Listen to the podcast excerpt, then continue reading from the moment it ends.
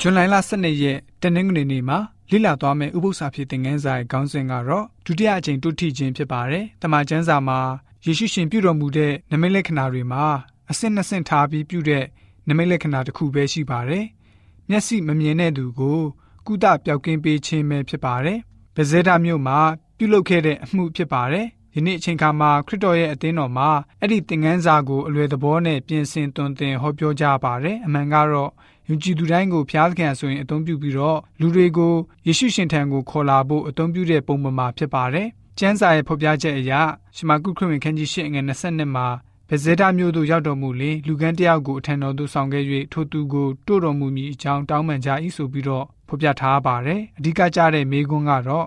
ဆောင်ခဲ့တာနဲ့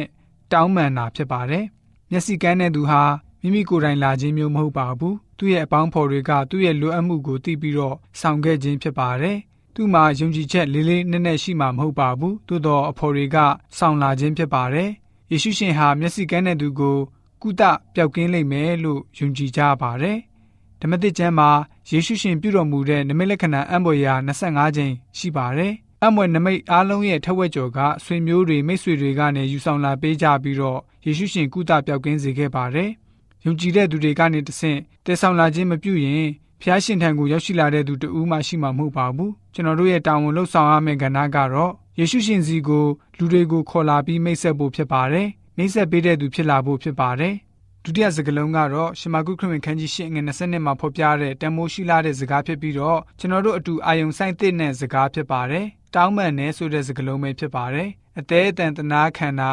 စိတ်ထဲထိုးပေါက်သွားစေတာဒါမှမဟုတ် မရမချင်းတောင်းဆိုတဲ့အဓိပ္ပာယ်တွေတက်ရောက်ပါတယ်။မဆက်ဆက်အထက်စီးစကားမျိုးနဲ့တောင်းဆိုနေခြင်းမဟုတ်ပဲ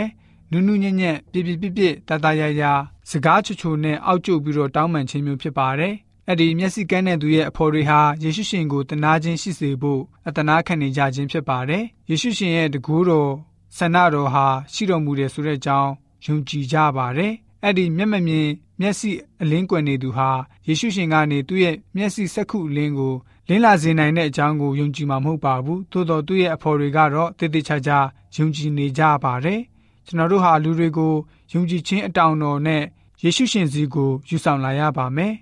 ရှင်မာကုခရစ်ဝင်ခန်းကြီး၈ငွေ22ကနေ26ကိုဖတ်ပါမယ် ဗေဇေဒမြို့သို့ရောက်တော်မူလင်လူကန်းတယောက်ကိုအထံတော်သို့ဆောင်ခဲ့၍ထိုသူကိုတို့တော်မူမည်အကြောင်းတောင်းပန်ကြ၏ကိုတော်သည်လူကန်းကိုလက်ဆွဲ၍မြို့ပြင်သို့ထွက်ပြီးမှသူ၏မျက်စိကိုတတွင်းနှင့်ထွေး၍သူ့အပေါ်မှာလက်တော်ကိုတင်လျက်တင်းသည်တစုံတစ်ခုကိုမြင်သလောဟုမေးတော်မူ၏ထိုသူသည်ကြည်မြော်လင်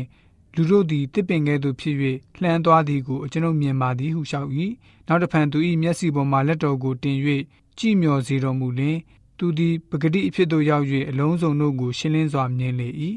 ကိုရောကလည်းမြို့ထဲသို့မဝင်နှင့်မြို့၌အဘယ်သူကိုမျှမပြောနှင့်ဟုမိတော်မူ၍သူကိုမိမိနေရာသို့လွတ်လိုက်လေ၏ဆိုပြီးတော့ဖော်ပြထားတာတွေ့ရပါတယ်ကျွန်တော်တို့ရဲ့ဘဝတက်တာမှာလူကိုတက်ကွဲစွာမမြင်တွေ့နိုင်တဲ့အခါမျိုးရှိပါသလားတခါတည်းကျွန်တော်တို့ဟာလူတွေရဲ့လှုပ်ရှားသွားလာခြင်းကိုတစ်ပင်တွေအရေးတွေလို့သာထင်ပြီးတော့ဖះရှင်ရဲ့နိုင်ငံတော်သားတွေလို့မစင်စားမိဘူးတဲ့အခါမျိုးရှိပါသလား